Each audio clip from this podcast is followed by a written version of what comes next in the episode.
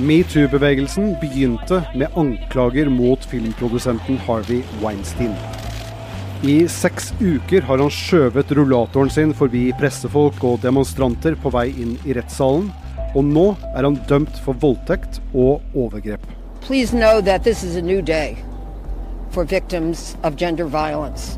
Hva betyr det for metoo-bevegelsen? Dette er forklart fra Aftenposten. Jeg heter Kristoffer Rønneberg. Det er onsdag 26. februar.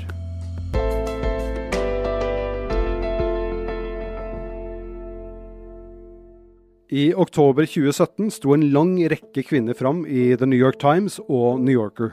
De anklaget stjerneprodusenten og Hollywood-kjendisen Harvey Weinstein for seksuell trakassering og overgrep. Jeg tror jeg befant meg i Aftenpostens redaksjonslokaler. Sara Sørheim er nyhetsredaktør i nyhetsbyrået NTB. Og da Weinstein-saken sprakk, var hun kulturredaktør her i Aftenposten. Men på det tidspunktet der, så var ikke jeg i nærheten av å skjønne hvor stor den saken faktisk var.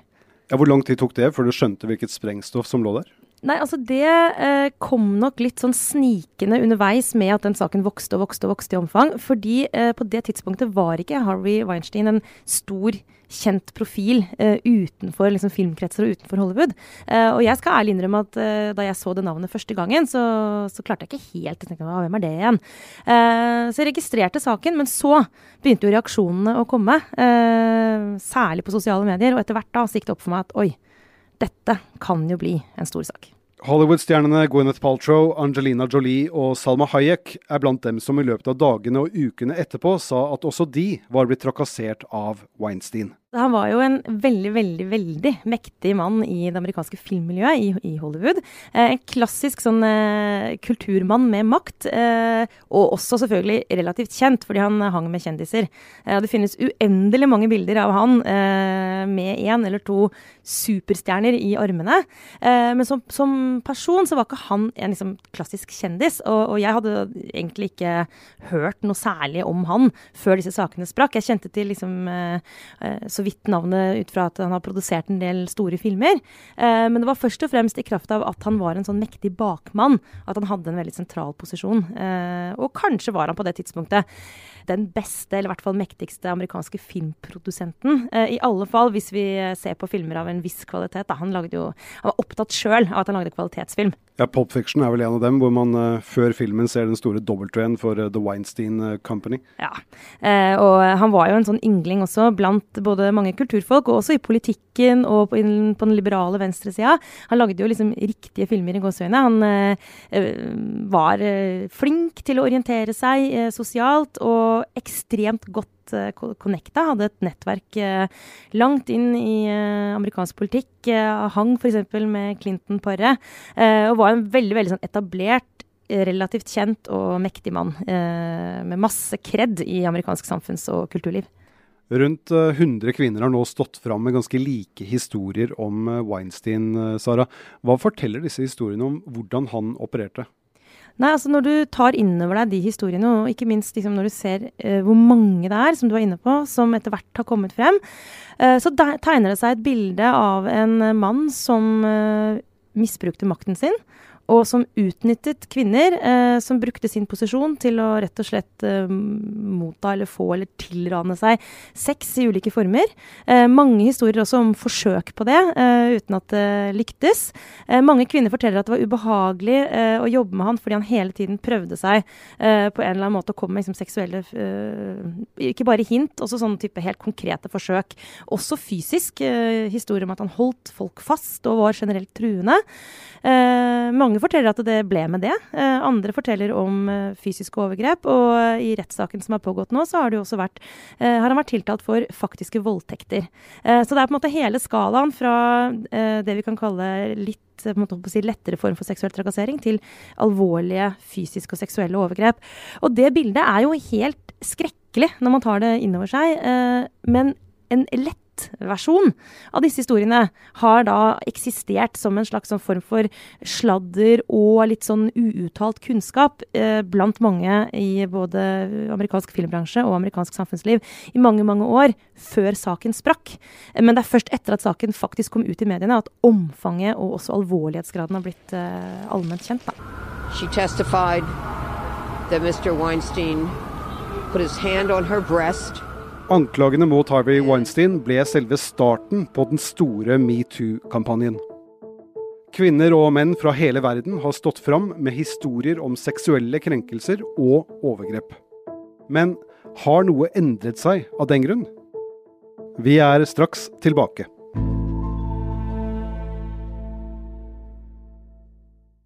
Sara, anklagene mot eh, Harvey Weinstein og, eh, og, saken mot ham, det var jo en stor eh, hendelse i seg selv. Men hva slags bevegelse var det som ble skapt på, med, med, det som bakgrunn? Ja, nå når vi ser tilbake på den saken, så ble jo det startskuddet for det som nå er hele metoo-bevegelsen.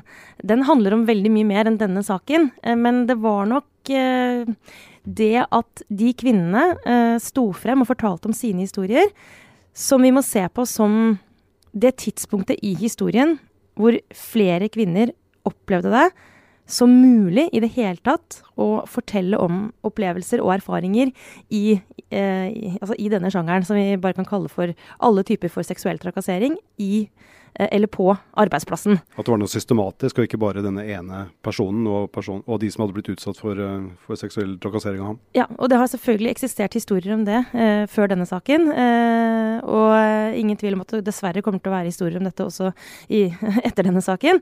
Men omfanget ble så enormt utover høsten 2017, eh, og hashtaggen metoo, som da plutselig brøt igjennom og trenda liksom overalt i hele verden, eh, som etter hvert ble selve navnet Eh, på hele denne bevegelsen, det uh, blir nok stående som et sånt uh, kulturelt eller til og med politisk skifte som vi nok får vi tro, eller i hvert fall håpe, eh, vil se på som at noe endret seg.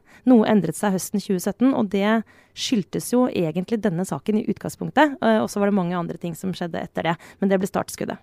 Du sier noe endret seg, men hva, hva konkret tror du endret seg med, med, bevegelsen? Ja, for dette som er litt vanskelig å svare på, da. Eh, og det er nok litt for tidlig ennå. Men eh, det begynner å bli ganske tydelig både i politikken, i populærkulturen og på arbeidsplassen og i det sosiale at jeg tror vi nå kan slå fast at bevisstheten rundt denne problemstillingen har blitt større.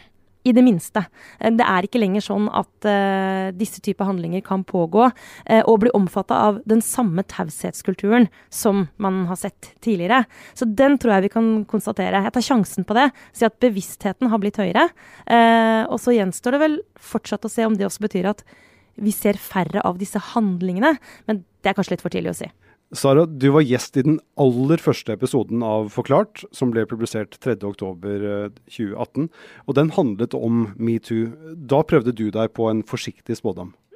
Um, det er summen av mange mange sånne små ting uh, som ville avgjøre om den tidsånden faktisk er endret. Og akkurat nå, da, hvis jeg skal våge meg på en spådom, så vil jeg si at uh, ja, det er noe som er annerledes uh, pga. metoo forsiktig optimist eh, den gangen i oktober 2018, eh, Sara. Eh, traff du med spådommen din? Ja, jeg hører jo at jeg tenker meg godt om og prøver liksom å unngå å være altfor bombastisk, og det er jeg jo litt glad for. Men ja, jeg syns det. Tidsånden ble nok, om ikke fullstendig endret, så i hvert fall betydelig forskjøvet, kan jeg i hvert fall våge meg eh, på å si. Anklagene mot Weinstein fikk store konsekvenser for ham lenge før rettssaken startet. Han fikk sparken fra sitt eget selskap, The Weinstein Company. Han ble utvist fra Oscar-akademiet og skilt fra sin kone. Og han mistet de mektige vennene sine. De siste månedene har vi sett 67-åringen skyve rullatoren sin inn og ut av retten i New York med senket hode. Det er en slagen mann vi ser eh, komme og gå. Så kan man jo spekulere i om det er et uh, helt genuint uttrykk, eller om det er en uh, nøye regissert måte å være på fra hans side for å vekke sympati. Men det viktigste her er at det ble en rettssak. det kom en dom. Han må stå der og ta sin straff.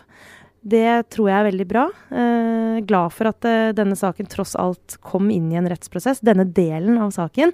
Men eh, det er ingen vinnere i denne saken. Eh, Weinstein er åpenbart en taper selv, men det er egentlig alle andre som er involvert i den saken også. Uh, så jeg kan jo kjenne en viss sympati for han når jeg ser de bildene.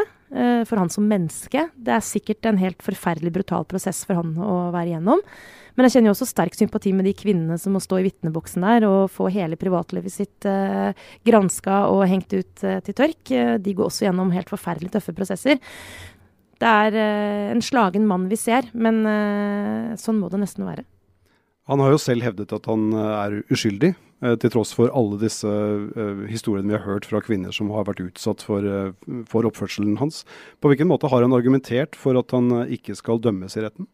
Det er interessant fordi han, eller hans forsvar, da, han har jo ikke selv uh, vitnet eller forklart seg i saken, men, men, forsvaret hans har vært veldig opptatt av å gå inn i hvordan de kvinnene som har anmeldt han, og som har vært uh, i vitneboksen, hvordan de har oppført seg både før, under og etter de påståtte overgrepene.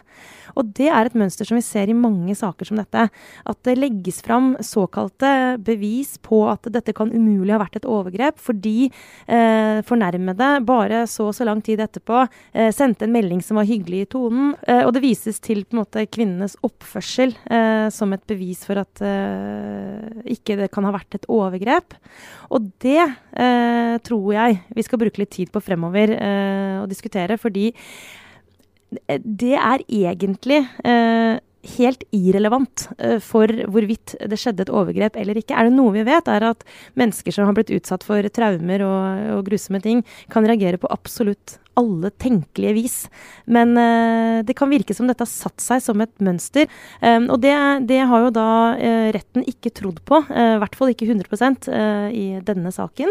Og det kan man jo bare ta til etterretning. Men jeg må si at jeg, jeg er jo sånn personlig litt glad for at det ikke er nok eh, til å få frikjent en som er tiltalt for seksuelle overgrep. Men kan det også være et resultat av, eh, av skal vi si, tidsånden eller av metoo-bevegelsen? At den typen argumentasjon at det ikke lenger er en holdbar grunn? I, I hvert fall ikke i like stor grad som det kanskje var tidligere?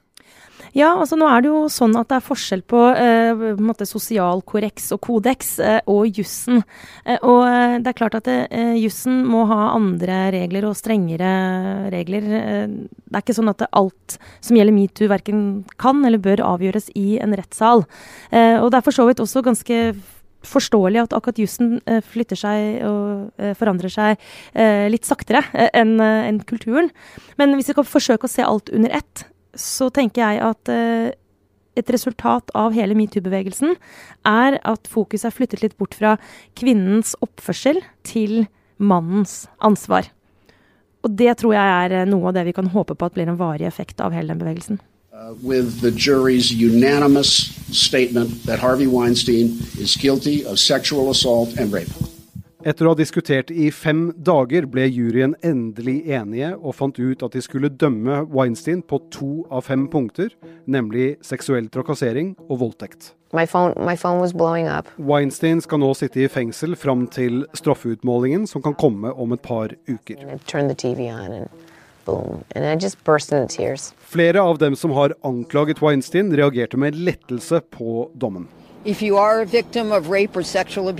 Advokaten Gloria Allred er en av dem. Hun representerer tre av kvinnene som hadde vitnet mot Weinstein.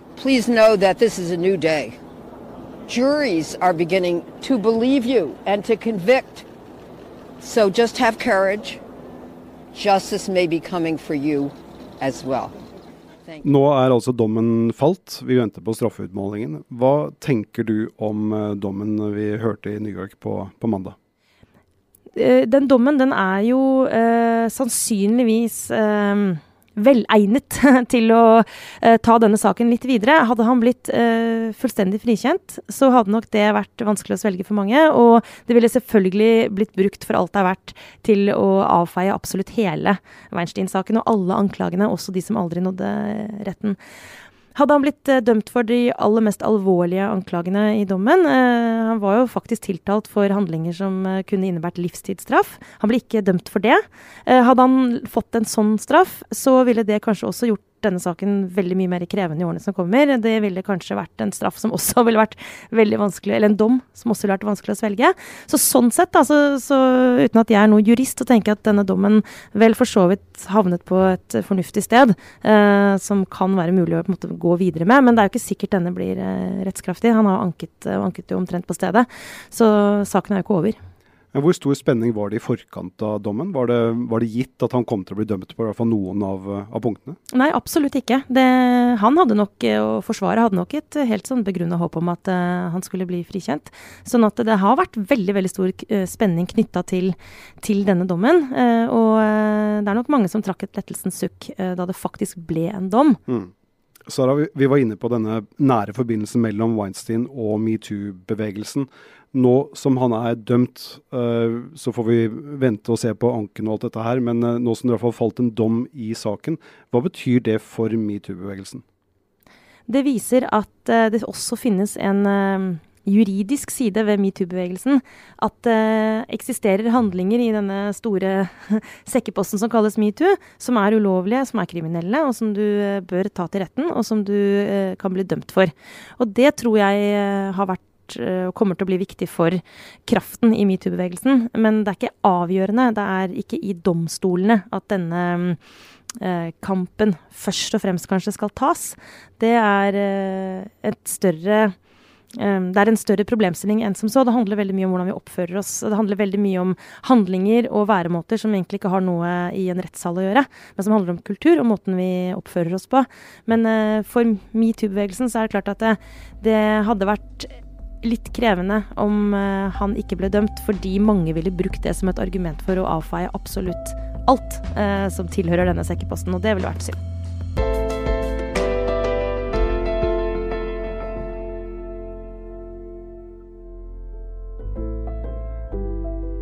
Forklart lages av Caroline Fossland, Anne Lindholm, Andreas Bakke Foss og meg, Kristoffer Rønneberg.